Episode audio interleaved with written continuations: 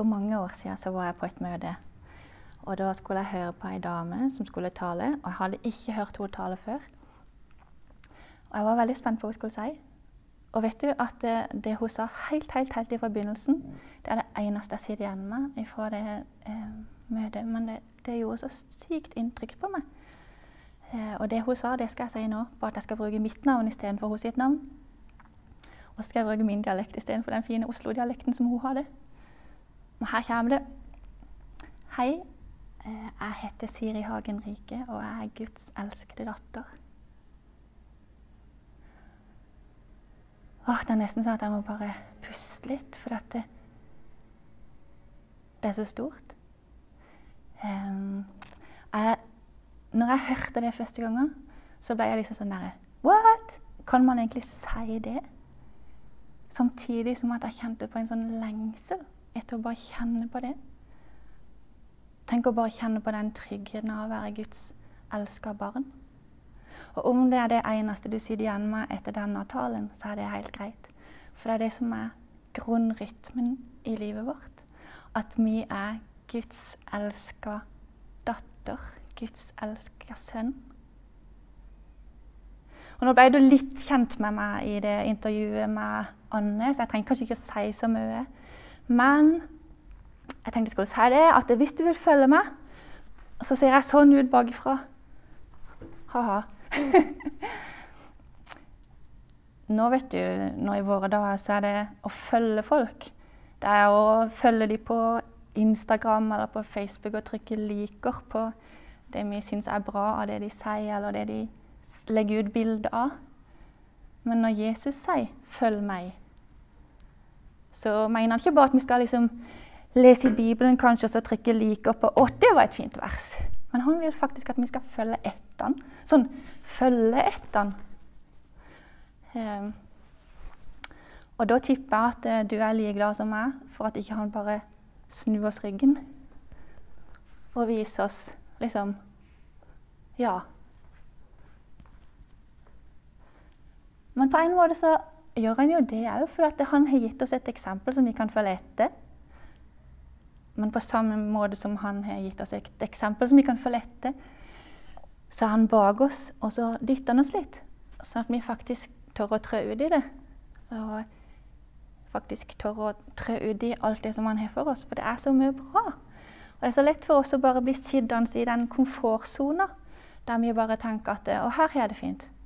Eh, jeg kan trykke 'liker' på fine bibelvers, og så That's it, egentlig. Men Gud han kaller oss til å trø ut på vannet. Og jeg må innrømme at jeg føler at jeg har gjort det litt nå. Og da er det så himla godt å vite at han er ikke bare foran oss og bak oss, men han omgir oss jo på alle sider. Så han er òg på sida av oss. Han er på sida av meg. Og det er jo det som gjør det trygt å gjøre det, faktisk. Det å vite at eh, han er der hele veien sammen med oss. For det har han lovt. Og hvis vi kan leve livet vårt ut ifra det, og ikke for å oppnå det Eller la meg si det en gang til. Hvis vi kan leve livet vårt ut ifra at vi er Guds barn, istedenfor å leve livet vårt for å prøve å oppnå å bli Guds barn og bli gode nok, så blir det noe helt annet. Da kan vi leve et utrolig spennende liv og et liv i frihet. Fordi vi er allerede. Vi trenger ikke å bli. Det er vår identitet. Tenk da, så kult. Eh, vi er jo i Lukas, og jeg har fått lov til å eh, dele litt ifra det tredje og fjerde kapitlet. Og fokusteksten fra i dag finner vi ifra vers 31 til 44. Altså, det er ganske mange vers, altså. Men eh, husk på det når, vi, når, du hører teksten, at det, eh, Gud han, eh, han sier at du er hans sitt barn. Når du tar imot Jesus og sier ja til han, 'Jeg vil følge deg, Jesus', så blir du Guds barn. Og da har du allerede alt det du trenger for å følge etter ham. For at Jesus han kaller oss ikke til å gjøre noe som er umulig for oss. Men det han kaller oss til, eller det han inviterer oss til å være med på, det har han allerede gjort mulig for oss. Så husk det når, eh, når du hører teksten, for den er ganske crazy, egentlig. Ja. Og overskriften er 'En dag i Kapernaum'. Jesus tok veien ned til Kapernaum, en by i Galilea. Han underviste dem på sabbaten, og de var slått av undring over hans lære, for han talte med myndighet. Jeg må bare pause litt, for det må jo bety at kanskje andre folk ikke gjorde det, eller Ja. I synagogen var det en mann som hadde en ond og uren ånd. Han satte i å rope av all kraft. Hva vil du oss, Jesus fra Nasaret? Er du kommet for å ødelegge oss? Jeg vet hvem du er, Guds hellige. Men Jesus truet den og sa, Ti stille og far ut av ham. Den onde ånden rev mannen over ende midt iblant dem og for ut av ham, men uten å skade ham. Alle ble forferdet, og de sa til hverandre, Hva er dette for slags tale? Med makt og myndighet befaler han de urene åndene, og de farer ut. Og ryktet om han spredte seg overalt i omegnen. Jesus brøt opp fra synagogen og gikk hjem til Simon. Her lå Simons svigermor, syk med høy feber. Og de ba Jesus hjelpe henne. Tror du han gjorde det? Til og med svigermora til Peter? Ja. Han bøyde seg over henne og truet feberen, og den slapp henne. Straks sto hun opp og stelte for dem. Ved solnedgang kom alle til ham med sine syke, som hadde mange slags plager. Han la hendene på hver enkelt av dem og helbredet dem.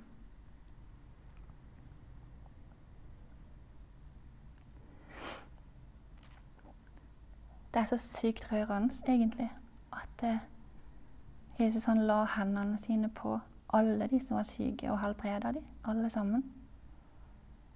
Jeg kjenner det lengter etter å se at skje nå òg. For Jesus er jo den samme i dag som han var i går. Ja. Det for også onde ånder ut av mange mens de skrek og ropte. Du er Guds sønn! Men han truet dem og påla dem strengt å tie, for de visste at han var Messias. Tenk på det. At eh, de visste det, for de hadde jo truffet han før i himmelen. Da det var blitt dag, dro han ut til et øde sted. Folk ga seg til å lete etter ham, og da de kom dit, dit han var, forsøkte de å holde ham igjen, så han ikke skulle gå fra dem. Men han sa til dem, også i de andre byene må jeg forkynne det gode, gudskap, det gode budskapet om Guds rike. Det er det jeg er utsendt for.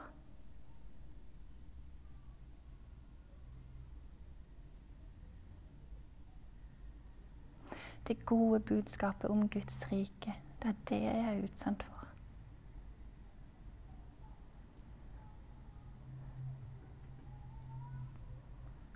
Vi kan kanskje tenke at det var kult når Jesus gjorde masse sånn tegn og under og satte folk fri, og eh, han helbreda folk. Men det var jo fordi at han ville vise dem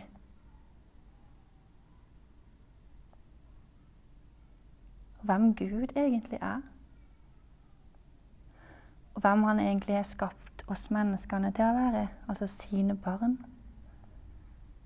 Og han viste kjærlighet til alle de menneskene som han helbreda og satt fri. Som han talte strengt til òg. For kjærlighet det ser jo ut på så mange forskjellige måter. Men visste du det at eh, Jesus han gjorde bare det som han så sin far gjorde? Men åssen visste han egentlig det? Det står en bitte liten setning her i fokusteksten, i vers 42. Da det var blitt dag, dro han ut til et øde sted.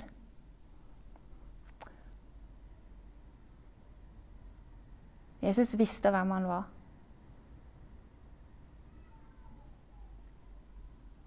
I, i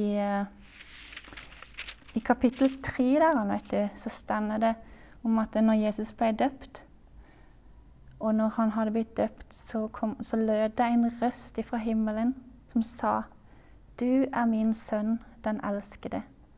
I deg har jeg min glede. Jeg lurte litt på det, om han egentlig sa det for at Jesus trengte å høre det, eller om han sa det for at vi trengte å høre det.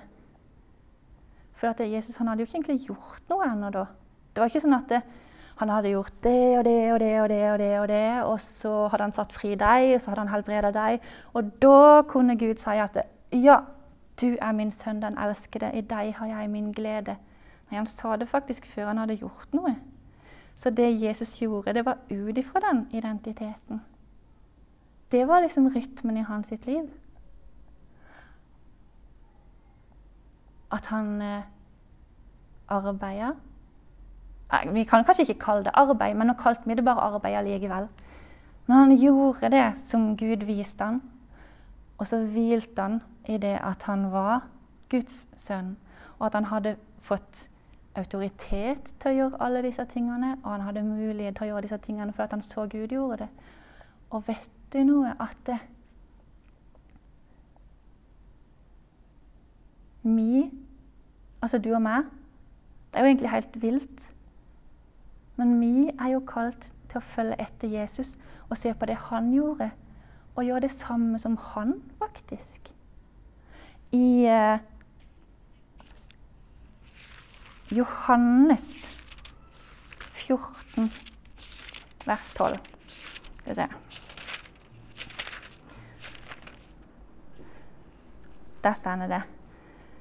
Sannelig, sannelig, jeg sier dere, den som tror på meg, skal også gjøre de gjerningene jeg gjør. Ja, enda større gjerninger, for jeg går til far. Og i vers 13.: Og det dere ber om i mitt navn, vil jeg gjøre, så Faderen skal bli æret gjennom Sønnen. Jeg vet ikke hvilken tanke du får nå. Jeg tenker at det er sykt spennende. Eh, så åssen ville egentlig det ha sett ut hvis vi istedenfor tok en dag i Kapernaum, så tar vi en dag i Vennesla, eller hvor du nå måtte befinne deg?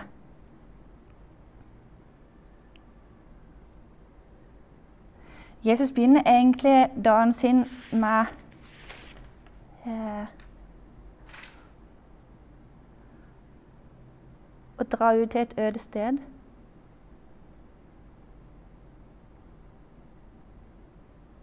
Allerede der så rakner det litt for meg.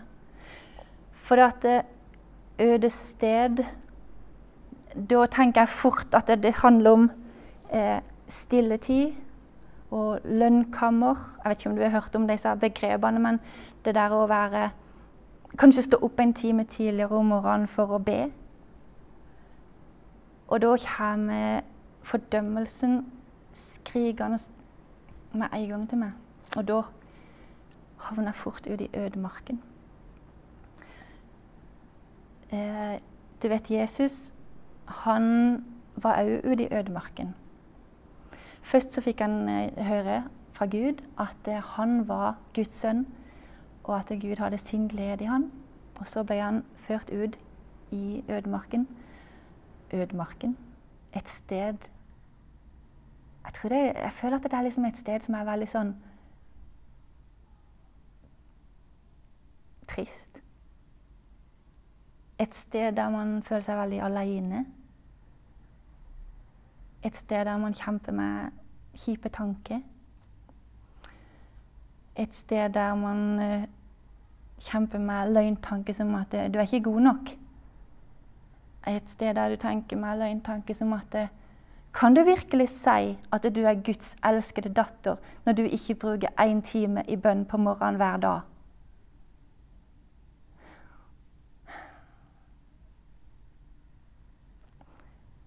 Et sted der djevelen prøver å overbevise deg om at eh, du ikke er den du er skapt til å være. Et sted der djevelen prøver å stjele din identitet. Eksempel, som jeg snakka om med Anne i stad, og få meg til å tenke at eh, du er egentlig ikke verdt noe, så vi kan egentlig bare sende deg vekk akkurat når vi vil. Så du må nok bare passe på å oppføre deg skikkelig, skikkelig bra, for hvis ikke så vil vi ikke ha det. Og det er veldig tungt. Men Jesus, han var jo òg ute i ødemarken. Og vet du at djevelen, han frista han? Eh, han siterte til og med Bibelen. Men Jesus han visste hvem han var. Og igjen så må jeg bare si at jeg tror at det er grunnrytmen som vi trenger i livet. Det å vite hvem vi er. For da kan vi riste litt. Ikke om det var så bra for mikrofonen, men da kan vi riste litt på de løgntankene. For da kan vi avsløre dem og si at nei, vet du hva, det stemmer ikke. Jeg er jo Guds barn. Jeg trenger ikke å jobbe for å bli det. Men jeg er Guds barn, og pga. at jeg er det, så får jeg lov til å. Og jeg får lov til å være med på alt det som jeg kan lese at Jesus har gjort. For han er jo foran meg, men han er jo bak meg, og så dytter han meg litt framover. Og så er han sammen med meg og gjenger sammen med meg hele veien. Åh.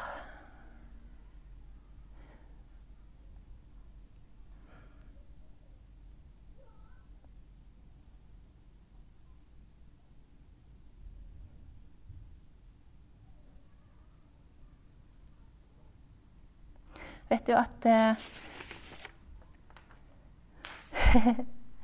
Jesus hadde en rytme. Han gjorde masse spennende. Og så hvilte han. Til og med Jesus trengte å hvile. Og det trenger vi òg.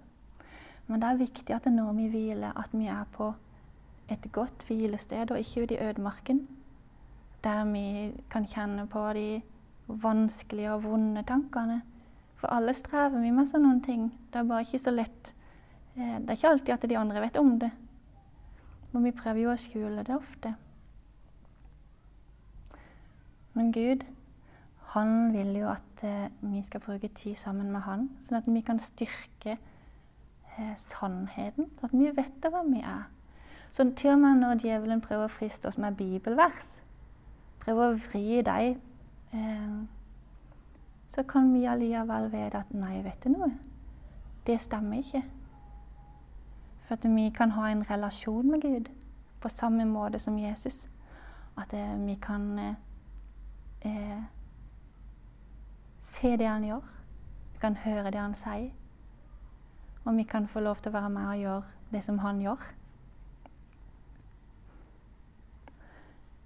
Når det er snakk om jobb, så tenker du kanskje på jobben din.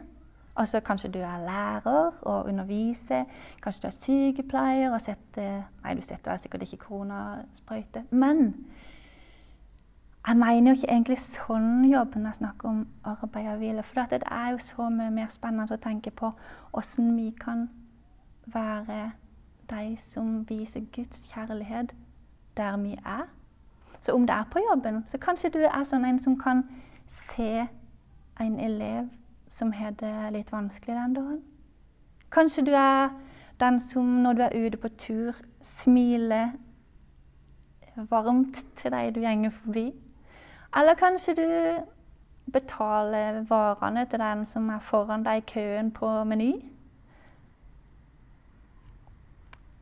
Det er utrolig mange måter å vise Guds kjærlighet på til andre mennesker.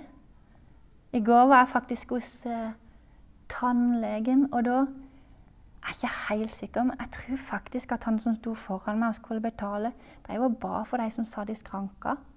Er det mulig, liksom? Men så er det kanskje sånn som eh, meg og Eivind da, vi er jo vi har hjemmekontor begge to.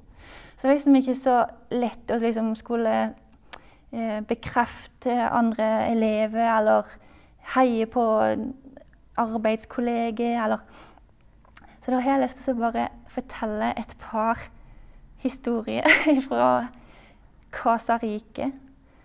For du skjønner det at eh, for et par uker siden så hadde jeg så eh, Jeg hadde ikke egentlig så himla vondt i magen, for jeg kan ikke si at jeg hadde det. Men plutselig så fikk jeg noe himla vondt i magen. Det kom i sånn bølge. Og så på, et tidspunkt så ble det så vondt at jeg kasta meg ned på gulvet. Og det gjorde jeg ikke, altså. Det er ikke sånn typisk meg. Og da, vet du, da kommer Eivind rundt, og så legger han hendene på meg, og så ber han. Og så går det vekk. Det slutter. Mens jeg ligger der og så tenker på Å nei, jeg kan ikke på sykehuset nå, jeg ser jo ikke ut! Men så har Gud en helt annen plan. Hmm. Og så har jeg lyst til å fortelle at eh, just her om dagen så fikk Eivind så himla vondt i skuldra si. Han, jeg vet ikke om han hadde strekt henne eller noe, men eh, han hadde veldig vondt. Og han kunne nesten ikke bevege armen. Og så da tenkte jeg at ja, men nå skal jeg be for deg. Så skjedde det egentlig ingenting. Ikke som vi så da, iallfall. Han hadde vondt flere dager, men det, det gjenger bedre og bedre. Så jeg tror mange ganger at vi kan bli litt sånn redde for å gjøre de tingene. De tingene som Jesus faktisk har sagt at vi kan gjøre. For vi er så redde for at det ikke skal skje noe. Og ja, jeg har forståelse for det.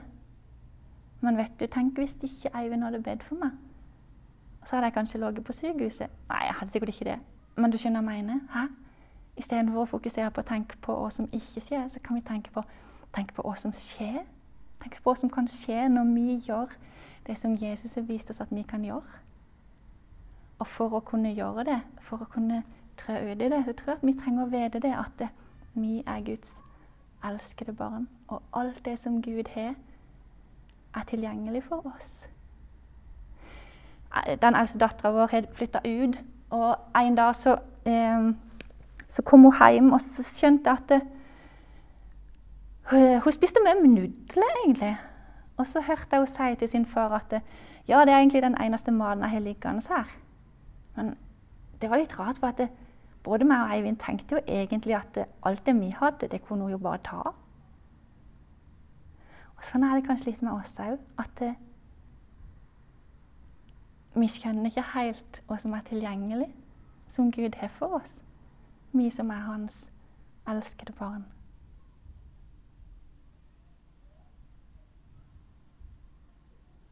Så jeg har lyst til å utfordre deg.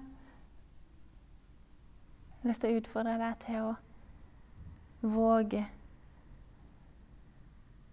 å leve livet ut ifra den kjærligheten, ut ifra den identiteten. Du trenger ikke å gjøre det for å oppnå noe, men for det du er. Du er elska. Du er barn. Du hører hjemme.